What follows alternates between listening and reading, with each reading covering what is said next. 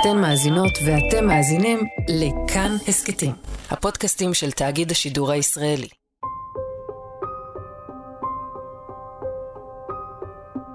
מאסר עולם, העונש הכבד ביותר שאפשר להטיל בישראל, כמו במרבית מדינות העולם, בוודאי במדינות הדמוקרטיות. בחוק הפלילי הישראלי זהו עונש חובה על רצח בנסיבות מחמירות. הן בעבירות פליליות, הן בעבירות ביטחוניות של טרור לאומני. אבל למרות המשתמע משמו, מעטים המקרים שבהם אסירי עולם אכן מסיימים את חייהם בין כותלי הכלא. הנוהג שהתקבע בישראל הוא שבשלב מסוים נשיא המדינה קוצב את העונש לתקופת מאסר מוגדרת. בעבר זה היה 25 שנים, אך בשנים האחרונות נקצבו עונשים כבדים יותר של 35, אפילו של 40 שנה. אבל בסופו של דבר, גם יום השחרור שלהם מגיע. נגזר עליו מאסר עולם, ולכן מגיע לו להיות בכלא עד יומו האחרון, עד נשימתו האחרונה, גם אם הוא חולה סרטן. צר לי ש... זאת שי תמם, האחיינית של חלל צה"ל משה תמם, זכרו לברכה, בריאיון לאיילה חסון בשבוע שעבר. משפחתה יצאה למאבק נגד בקשתו של אחד מרוצחיו של דודה להקדים את שחרורו מסיבות רפואיות. האם יש נסיבות שבהן ראוי לשחרר אסיר עולם?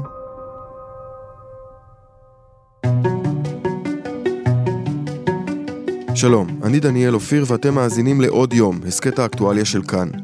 השבוע צפויה ועדת השחרורים לדון בבקשתו של אסיר העולם ווליד דקה לשחרור מוקדם בשל מחלת הסרטן. לדבריו ולימיו האחרונים, ואותם הוא מבקש לעבור כאדם חופשי אחרי יותר מ-37 שנים בין כותלי הכלא.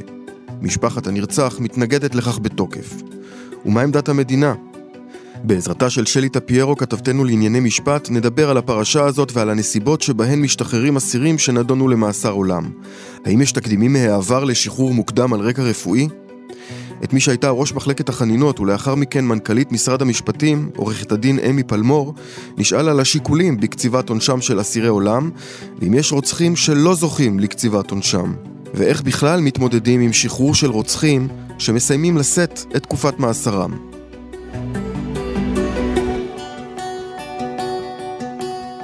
שלום שלי טפיירו. שלום דניאל. בואי נתחיל אולי בלספר את הסיפור של ווליד דקה. כן, אז אה, ווליד דקה הוא ערבי ישראלי, תושב באקה אל-גרבייה, נחשב לאחד האסירים הביטחוניים הוותיקים בישראל.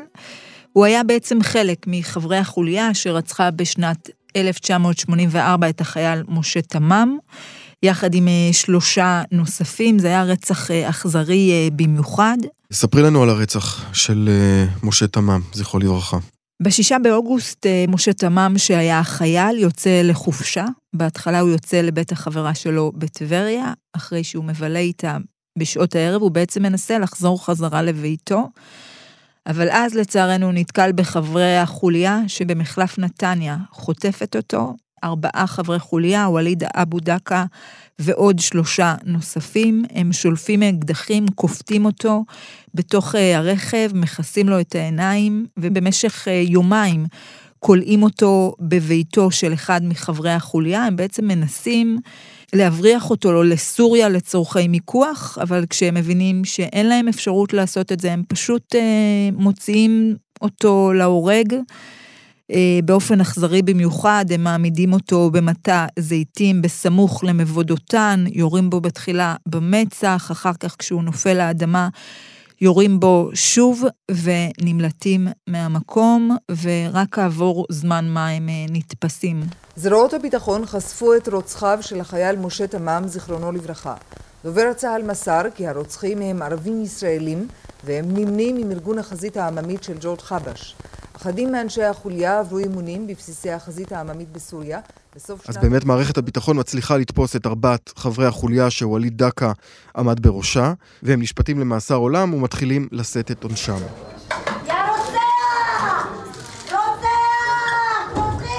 שניים מן הנאשמים שביצעו את הרצח במטע הזיתים של יד מבוא דותן שבשומרון כבר נשלחו למאסר עולם. היום הובאו לדין ווליד דקה, האחראי לחוליה, ורושדי אבו מוך, שנהג במכונית החוטפים. כולם תושבי באקה אל-גרבייה שבתוך הקו הירוק.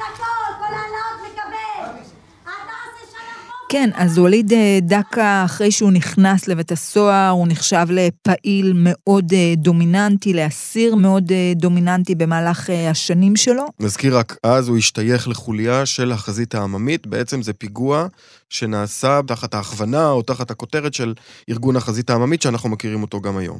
נכון, ולימים הוא ניסה להתנער מאותו שיוך, אבל... ב-2012 חלה תפנית כאשר אה, שמעון פרס, הנשיא דאז, באופן מאוד חריג, קוצב את עונשו של ווליד דקה. הוא קצב גם באותו מעמד גם עונש של מחבלים אה, נוספים שהיו חברי החוליה, חלקם כבר אה, שוחררו. במסגרת, כך טוענים, איזושהי עסקה חשאית, שאגב, בני משפחתו של משה תמם מעולם לא ידעו עליה עד לימים אלה, בעצם מאפשרים את הקציבה המאוד חריגה של אסיר ביטחוני שרצח חייל ישראלי בנסיבות טרור קשות אה, במיוחד. הנשיא שמעון פרס קוצב את מאסר העולם של ווליד דקה ל-37 שנות מאסר. אז ב-2012 עונשו נקצב, והוא ממשיך להיות אסיר מאוד uh, בולט בהנהגת האסירים בכלא. הוא אמנם, כמו שאמרתי, התנער כבר מהשיוך שלו לחזית העממית, הוא כבר לא מוגדר כמשוייך לשום ארגון טרור פלסטיני. אבל הוא עדיין שייך להנהגת האסירים הביטחוניים הפלסטיניים, וב-2016 הוא גם נתפס על איזושהי עבירה בכלא. נכון, עוד קודם, אגב, דניאל, במהלך 2004 אה, הוא היה חלק משובתי הרעב בקרב האסירים הביטחוניים, כמחאה על תנאי המעצר שלו, וכמו שאמרת, גם במהלך התקופה שלו בכלא גלבוע, הוא אפילו משמש כדובר ונציג האסירים הפלסטינים בפני שלטונות אה, הכלא, ובשנת 2016, בעודו כלוא בבית הסוהר אה, קציעות, בעצם נתפסו בכלים שלו טלפונים סלולריים, מסרים מוצפנים שהוברחו על ידי חבר הכנסת באסל גטאס. כתב אישום ראשון בפרשת באסל גטאס הוגש היום נגד אסד דקה, החשוד במסירת טלפונים סלולריים וכרטיסי סים לחבר הכנסת גטאס, כדי שיעביר אותם לאחיו ווליד, אסיר ביטחוני. ובעקבות האירוע הזה הוארך המאסר שלו בשנתיים נוספות, מה שאומר שבסך הכל הוא צריך לרצות 39 שנות מאסר שאמורות להסתיים בחודש מרס 2025.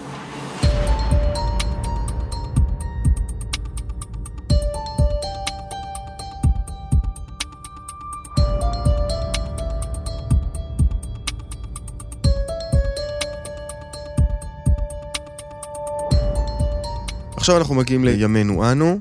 על הפרק בקשת שחרור מוקדם של אותו אסיר ווליד דקה שכרגע סיפרנו את סיפורו. מה העילה לבקשת השחרור המוקדם ואיך מגיבה לכך uh, המדינה? כן, אז בעצם לפני כמה שבועות הוא מגיש בקשת חנינה הומניטרית לכנס את ועדת השחרורים בתוך כותלי הכלא, כדי לדון במצב הרפואי שלו, נוכח חוות דעת רפואית שהוא ממציא על ידי רופא בכיר בשירות בתי הסוהר, שטוען שימיו קצובים, נוכח העובדה שהוא חולה בסרטן, והוא בעצם מבקש את השחרור המיידי הזה כדי לאפשר לו לנשום את נשימותיו האחרונות בעולם הזה לכאורה כאדם חופשי. כלומר כשנה וחצי מוקדם יותר מתאריך השחרור המקורי שלו. בדיוק, בדיוק כך. וקודם כל, הבקשה הזו היא בקשה מאוד uh, חריגה, שכל התהליך שלה רב הנסתר על הגלוי, כי גם משפחת הקורבן, משפחתו של החייל משה תמם, מגלה על, ה... על זה שמתכנסת ועדת שחרורים רק בדיעבד, ולא על ידי שום נציג של המדינה. ואז ניטש בעצם אה, ויכוח. אומרת המדינה, נוכח העובדה שמדובר באסיר עולם ביטחוני, לוועדת השחרורים הרגילה אין סמכות לדון בבקשה של אסיר מהסוג הזה. ואומר סנגורו, עורך הדין אביגדור פלדמן, שבעצם הוא לא אסיר עולם, שהוא בעצם סיים את ה-37 שנות מאסר שנגזרו עליו, והוא בעצם יושב את השנתיים בגין הברחת הטלפונים, ולכן הוא לא נחשב אסיר עולם לכאורה. אז בעצם כרגע הוויכוח הוא עדיין לא על השחרור המוקדם, אלא איזו ועדה תדון בבקשתו, האם ועדה רגילה שנוגעת לכל האסירים, או ועדה מיוחדת שנוגעת לאסירי עולם. מה ההבדל בין שתי הוועדות? בדיוק. הוויכוח הוא על הסמכות של מי להכריע בסוגיה הזאת. אז ועדת שחרורים רגילה היא ועדה של אסירים מן המניין, רגילים, שהיא בערכאה נמוכה יותר. לרוב יושבת שופטת בדימוס שהייתה בעבר בבית משפט השלום, ולידה שני נציגים, לרוב עובדים סוציאליים או קרימינולוגים. ועדה מיוחדת שנדרשת לאסירי עולם, היא מכורח העובדה שיש באמת משקל רב לשחרור כזה או אחר שלהם מוקדם מהמועד שלהם, מתכנסת בפני שופט בבית משפט מחוזי, בערכאה גבוהה יותר, והנציגים הנוספים, גם הם הם בעלי ותק שלדעתי מעל עשר שנות ניסיון בוועדות שחרורים כאלה ואחרות. זאת אומרת, המאבק על הסמכות מבחינת המדינה הוא לא רק אה, מאבק טכני, הוא עניין מהותי.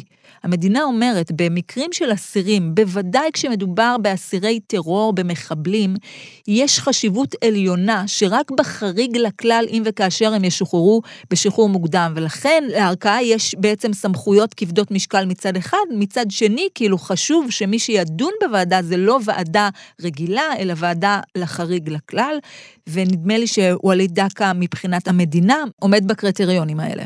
ובא סנגורו וטוען טיעון שהוא יותר טכני, שאומר, ווליד דקה למעשה סיים לשאת את עונש מאסר העולם, שנקצב לו 37 שנים.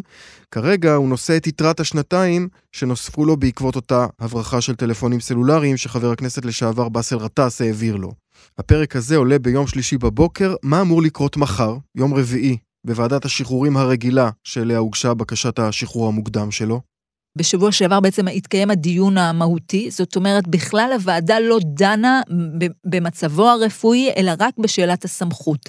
והשבוע בעצם תתקבל ההחלטה בשאלת הסמכות. האם הדיון לעניינו של מצבו הרפואי של אותו ווליד דקה יתקיים בפני ועדת השחרורים בחלם מעשיהו, או שמא, כמו שהמדינה מבקשת, זה יעבור לבית המשפט המחוזי, ואז שוב, זה לא יהיה סוף פסוק, כי באמת יתקיים דיון לגופו של עניין ולגופו של אה, הבקשה. אני יכולה להגיד לך... שחוות הדעת הרפואית שאותה צירף אה, ווליד אה, דקה היא מאוד שנויה במחלוקת. זאת אומרת, גם המדינה אה, וגם בני משפחתו של משה תמם טוענים שבוודאי ימיו אינם קצובים, בחוות הדעת גם כתוב ממש שחור על גבי לבן שהוא יכול להגיע גם לעד שנתיים אה, ימים, זאת אומרת, לא בהכרח שבאמת אה, ימיו ספורים, ותלוי את מי שואלים ומאיזה פוזיציה. כמובן שסנגורו עורך הדין פלדמן טוען שמצבו הרפואי בכירה ושבאמת ימיו אה, קצובים, אבל אני חושבת שהמלחמה פה, בעיקר של משפחת תמם וגם של מדינת ישראל, היא על התודעה ועל התמונה ביום שאחרי. הנסיבות של הרצח הזה, של משה תמם היו כל כך אכזריות. ווליד דקה לא ריחם לרגע. הוא או מי מטעמו, הם במשך יומיים התעללו באותו חייל שהחזיקו אותו בתנאים קשים ביותר, ועל אף מצבו הרפואי לא ראוי לאותו רוצח ליהנות מתמונת ניצחון, וחשוב לומר, מדובר באסיר פעיל מאוד, שאיסמעיל הנייה, בעקבות הבקשה שלו רק השבוע, מתקשר לאשתו כדי לחזק אותה ולהגיד שהוא מייצג את האסירים הפלסטינים. שהתמונה הזאת של שחרורו של אדם, אגב שאולי מחלתו היא סופנית, היא תמונה שעליה נאבקים גם המדינה וגם משפחתו של תמם. מבחינתו של ווליד דקה, הוא מבחינתו רוצה לנשום את נשימתו האחרונה כאדם חופשי, וזה לא רק סמנטיקה.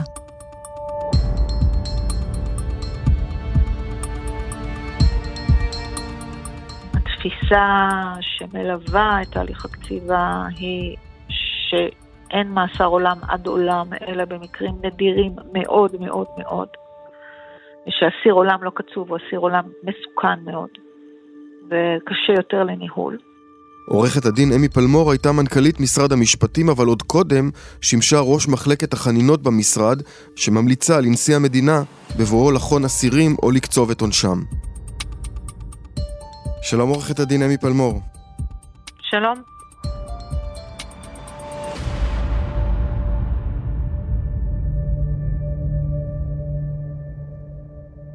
למה בכלל קוצבים מאסר עולם?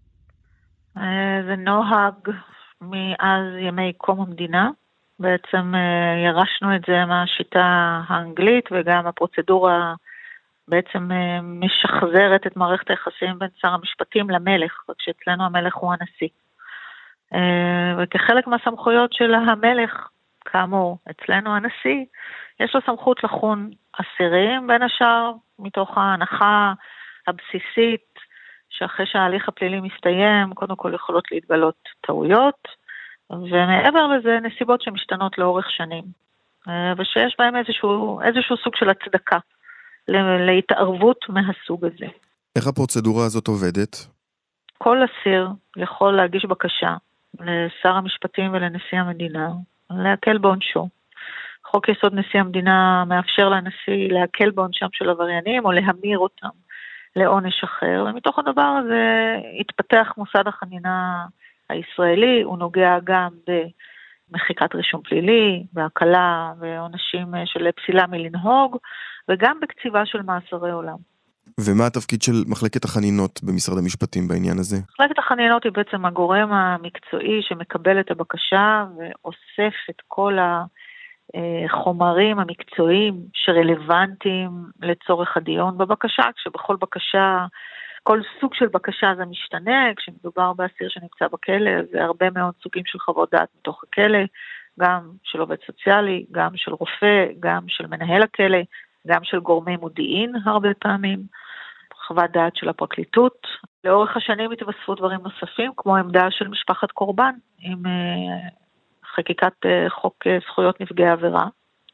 ובתוך התהליך הזה בעצם מחלקת חנינות מגבשת עבור שר המשפטים את עמדתו, ועמדתו מועברת לנשיא המדינה, בין השאר בגלל שההליך הפורמלי, כאמור, כמו שהוא נלקח מהבריטים, מחייב את חתימתו של שר המשפטים כחתימת קיום, כחתימה שבעצם אומרת החלטת הנשיא תקפה, ואני הגורם המיניסטריאלי שמגן מקצועית על ההחלטה הזאת. לנשיא יש מעמד נפרד, לא נעשה פה עכשיו שיעור על מעמד הנשיא, אבל באופן עקרוני שר המשפטים הוא בעצם זה שיש לו את האחריותיות, את ה-accountability על ההחלטות האלה.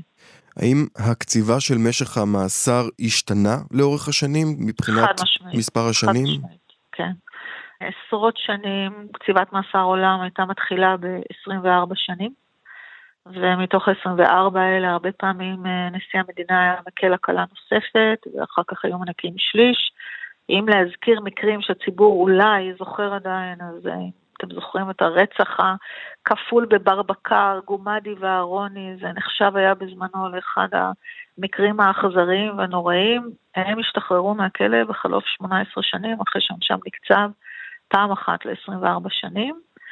חווה יערי ואביב אגרנות, שגיהצו את התיירת אה, נלה מלבסקי באיזשהו סכסוך אה, כלכלי, רצו את כספה, אה, השתחררו מהכלא בחלוף 12 ו-14 שנות מאסר. ובעצם הנשיא ויצמן היה הראשון ששינה את המגמה הזאת, הוא בשנות ה-90 אה, הרגיש שקציבת מאסרי עולם זה משהו שקשה לו מאוד, והוא סירב לקצוב במשך שנים ארוכות, עד שלבסוף אה, הוקם איזשהו מנגנון אה, משפטי מסייע, שנקרא ועדת שחרורים מיוחדת, שבעצם כל בקשה לקציבת מאסר עולם הייתה צריכה לעבור, ועדיין עוברת דרך ועדת השחרורים הזאת, שבראשה אה, שופט מחוזי, והוועדה הזאת בעצם הייתה מגבשת את ההמלצה הראשונית ביחס לקציבה, מעבירה את זה למחלקת חנינות, מעבירה את זה לשר המשפטים, ושר המשפטים מעביר לנשיא המדינה. כלומר, היה איזשהו גורם שקוף יותר, מקצועי יותר, שמסדר את העניין הזה, וגם החוק בעצם קבע את 30 שנות מאסר כתקופת המינימום לקציבת מאסר עולם. האם האסיר צריך להביע חרטה על מעשיו כתנאי לקציבת העונש? אה, תיאורטית לא. מעשית, אה, הרבה פעמים כדי לקבל חוות דעת אה, בנוגע למסוכנות שלו, שזה חלק בלתי נפרד מהרוב המכריע של התיקים, אסיר שלא לוקח אחריות על המעשה, הרבה פעמים נתפס מבחינה מקצועית כמסוכן יותר. כי אם אתה לא לוקח אחריות ואתה לא מכיר בבעיה שיש לך, אז איך אתה יכול להשתנות ואיך אתה יכול אה, אה, להימנע מלהיקלע מחדש אה, למצב כזה. אבל בתיאוריה אדם יכול גם לטעון שהוא חף מפשע ובכל זאת לבקש שעונשו ייקצב. והוועדה אמורה, ועדת השחרורים המיוחדת, צריכה להבין איך היא מתמודדת עם הסיטואציה המורכבת הזאת של אה, הכחשה מצד אחד, מסוכנות כן או לא, והיכולת לקצוב את מאסר העולם. האם יש הבדל בין אסירים פליליים לאסירים ביטחוניים בהקשר הזה? חד משמעית, חד משמעית. קודם כל, האסירים הפליליים, עונשם אמור להיקצב בחלוף שבע שנים לפחות. אה, אפשר להגיד שגם התקופה הזאת אה, עלתה ככל שהשנים חלפו, ו... אבל עדיין, רוב מכריע של האסירים הפליליים הגיעו לתהליך הקציבה תוך 7, 10, 12 שנים. האסירים הביטחוניים, אה, חלקם עונשם לא נקצב 20 שנה, 25 שנה, כשגם ההמתנה הזאת בפני עצמה, יש בה מימד של ענישה, כיוון שעצם הקציבה גם, יש לה משמעות כמובן, אתה יודע, משמעות אה, נפשית אה, וגם משמעות מעשית בתוך שירות בתי הסוהר. אסיר לא קצוב, יש לו פחות זכויות, פחות יכולת אה, להשתלב בתעסוקה, להשתלב בטיפול, זה כשאנחנו מדברים על אסיר פלילי, שיש לגביו את האפשרויות האלה, תאורטית גם. גם נקצבו פחות, גם המתינו שנים ארוכות יותר, וגם הקציבה בסדרי גודל הרבה יותר גבוהים מאשר אה, אסירים פליליים רגילים. שוב, זה לא מתמטיקה, קשה גם לפעמים אה, לעשות אומדן אה, של אה, מאסר עולם פלוס עבירות אחרות, לפעמים יותר ממאסר עולם אחד. אה, ויש דוגמאות ל, ל, לכל מיני אה, אסירים, אני פשוט חושבת על דוגמה כמו אסיר עמי פופר, שרצח שבעה אנשים ועונשו נקצב תוך תשע שנים ל-40 שנה. אז אה, ברור שלעומת 30 שנה על רצח אחד, זה נראה מאוד מאוד קל. אגב, אם ניקח מדינות כמו בריטניה, גרמניה, שם מאסר עולם הוא 15 שנה. יכול להיות גם יותר, אבל יש שם איזשהו סטנדרט שהוא הרבה יותר נמוך מאשר במדינת ישראל. לעומת זאת, בארצות הברית אנחנו יודעים שיש אה, ענישה שיכולה להיות הרבה יותר מחמירה, וגם עונש מוות.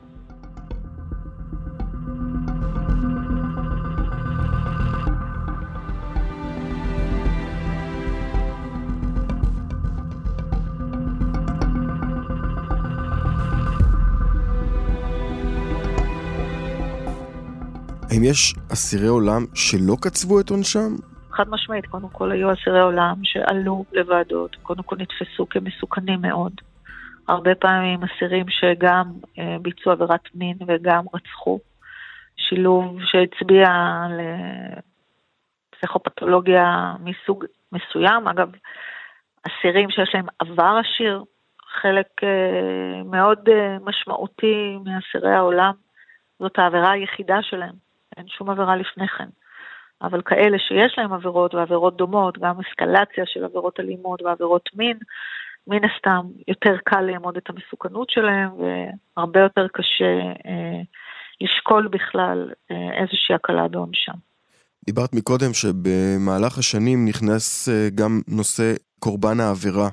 נכון. בתהליך קציבת העונש, האם יש מחשבה גם על הקורבנות בידיעה שברגע שקוצבים, גם מסמנים כן. תאריך שבו אותו רוצח יוצא לחופשי, ובתיאוריה גם יכול לפגוש את משפחות הקורבנות שלו. אה, אין שאלה בכלל שהמעמד של קורבן עבירה, ובעצם הקורבן בהקשר הזה, זה בני המשפחה של אה, המנוח או המנוחה. אה, קודם כל, יש לה משקל גדול ביחס לעצם הקציבה, למשמעויות של מעשה הרצח וכיוצא בזה. ביחס לשחרור עצמו, קודם כל, כשהשחרור, זה דווקא איזשהו פרדוקס בתהליכים האלה, שכשאדם מרצה את מלוא העונש, הוא למעשה משתחרר בלי תנאים מגבילים. וכשאדם מקבל איזושהי הקלה, דרך ועדת שחרורים שמקלה משליש ועד פחות משליש, אבל בכל אופן, היא מייצרת בעצם אסיר שהוא אסיר ברישיון, ואסיר ברישיון הוא אסיר שאפשר להטיל עליו מגבלות. גם של אה, מעצר בית, מעצר לילי, גם של רדיוס, גם של אה, מקום השחרור, גם של אה, באמת איזשהו סוג של פיקוח על היומיום שלו לאחר שהוא משתחרר. וגם בוועדת השחרורים אמורים לתת מקום למשפחת הקורבן להשמיע את דבריה, את חששותיה ואת הרצונות והצרכים שלה. ובאמת, אני לא יודעת להגיד לך האם יש מענים לסיטואציה שבה אדם משתחרר שחרור מלא, ובעצם אין אה, גורם שיכול באופן מיידי אה, להטיל אה, תנאים על השחרור הזה.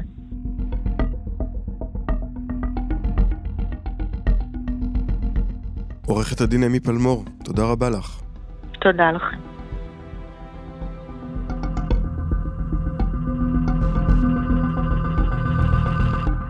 שלי, איזה עוד uh, תקדים אנחנו זוכרים של בקשה דומה של אסיר ששפוט למאסר עולם?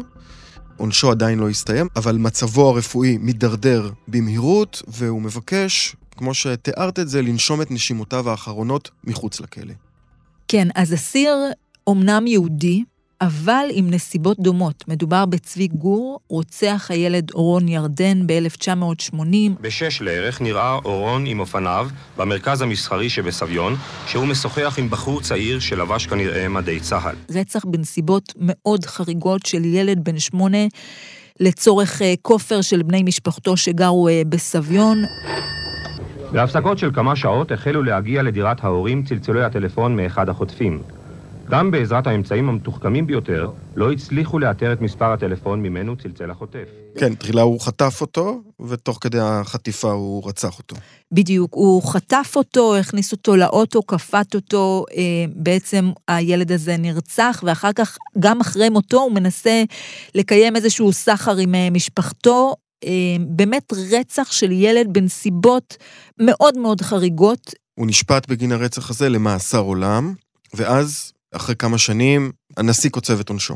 כן, הוא בעצם, אחרי שהוא נידון למאסר עולם, עוברות שנים ארוכות עד שהנשיא קוצב את עונשו לעונש כמעט חסר תקדים, 45 שנות מאסר. אני אמרתי בזמנו, ואני חוזר שאני באמת באמת מצטער מעומק הלב, אני נושא את הכאב הזה שלהם, אבל שום הסבר ושום דבר שמה שאני אומר אה, זה מתגמד. מאז, אה, בעיקר החל משנת 2017, אה, הוא מנסה פעם אחר פעם לעלות לפני ועדת השחרורים ולבקש את הקיצור של עונש מאסר העולם שלו, מבקש להשתחרר מוקדם, ובאמת, נוכח הנסיבות המאוד חריגות של הרצח של הילד הזה, פעם אחר פעם, שלל הערכאות בבתי המשפט השונים דוחים את הבקשות שלו. עד שבחודש אה, מאי 2020 צבי גור מבקש להשתחרר עקב הגיל המבוגר שלו וגם עקב העובדה שהוא בעצם חולה בסרטן. וגם בפעם הזאת דוחה ועדת השחרורים את הבקשה שלו, וגם ערכאה נוספת בבית המשפט המחוזי דוחה את אותה בקשה שלו, אלא שבאוקטובר שנת 2021 הוא מובא לבית החולים כאשר הוא מורדם ומונשם. סנגורו פונה מיידית לוועדת השחרורים ומבקש שצבי גור, רוצח הילד, ינשום את נשימותיו האחרונות נוכח העובדה שנותרו לו ימים בודדים כאדם חופשי. ובאופן אה, חריג, ועדת השחרורים אה, מחליטה לאפשר לו, נוכח המצב הרפואי ונוכח חוות דעת רפואיות שאומרות, מצביעות על כך שאכן ימיו ספורים, לנשום את נשימותיו האחרונות כאדם חופשי, אבל המדינה מבקשת עיכוב ביצוע על ההחלטה הזאת. יתרה מכך, המדינה מתכוונת להגיש ערעור על ההחלטה הזאת, כי מבחינתה מדובר בהחלטה תקדימית שיכולה להוות לה, אפרופו ווליד דקה, איזשהו תקדים מאוד בעייתי שרוצח כל כך אכזרי, על אף הנסיבות ההומניטריות לכאורה ועל אף מצבו הרפואי הקשה, ינשום את נשימותיו האחרונות כאדם חופשי. ובעוד אה, הפרקליטות בעצם מחליטה לערער ומוגש עיכוב ביצוע, צבי גור מת בבית החולים. זאת אומרת, בשורה התחתונה, על אף החלטת המדינה, את נשימותיו האחרונות הוא עדיין נושם כאסיר ולא כאדם חופשי. אגב, גם בני משפחתו של הילד אה, אורון ירדן מנהלים מאבק נוכח העובדה שהם אומרים מבחינתנו, האיש הזה שרצח את האח שלנו בנסיבות כל כך חריגות שעד יום מותנו ילך איתנו, לא זכאי לשום הקלה, גם לא בימיו האחרונים.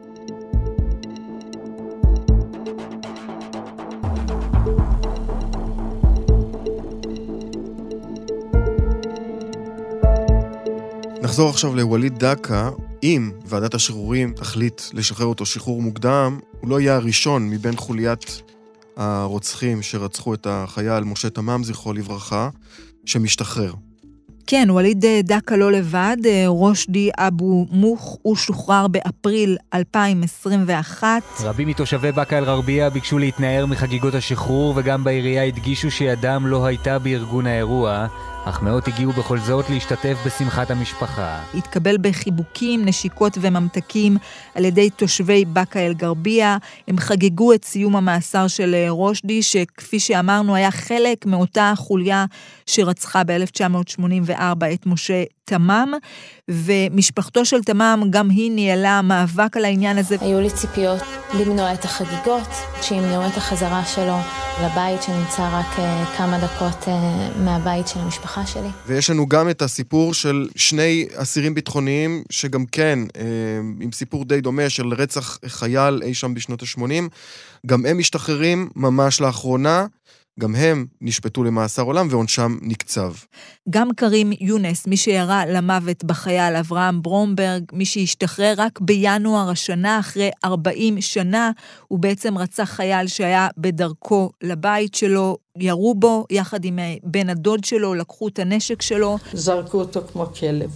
המקרה קרה בתשע, עד שבע בבוקר שפועלים נסעו לעבודה וראו אותו בצידי הדרך. אגב, גם בן הדוד, מאייר יונס, השתחרר שבועיים אחר כך, זאת אומרת, עוד שני רוצחים של חייל ישראלי, שבמסגרת אותה עסקה של שמעון פרס, שבאופן חריג קוצב את עונשם של האסירים הביטחוניים האלה, והשנה שניהם זוכים לאותו אה, שחרור אה, מאוד שנוי במחלוקת.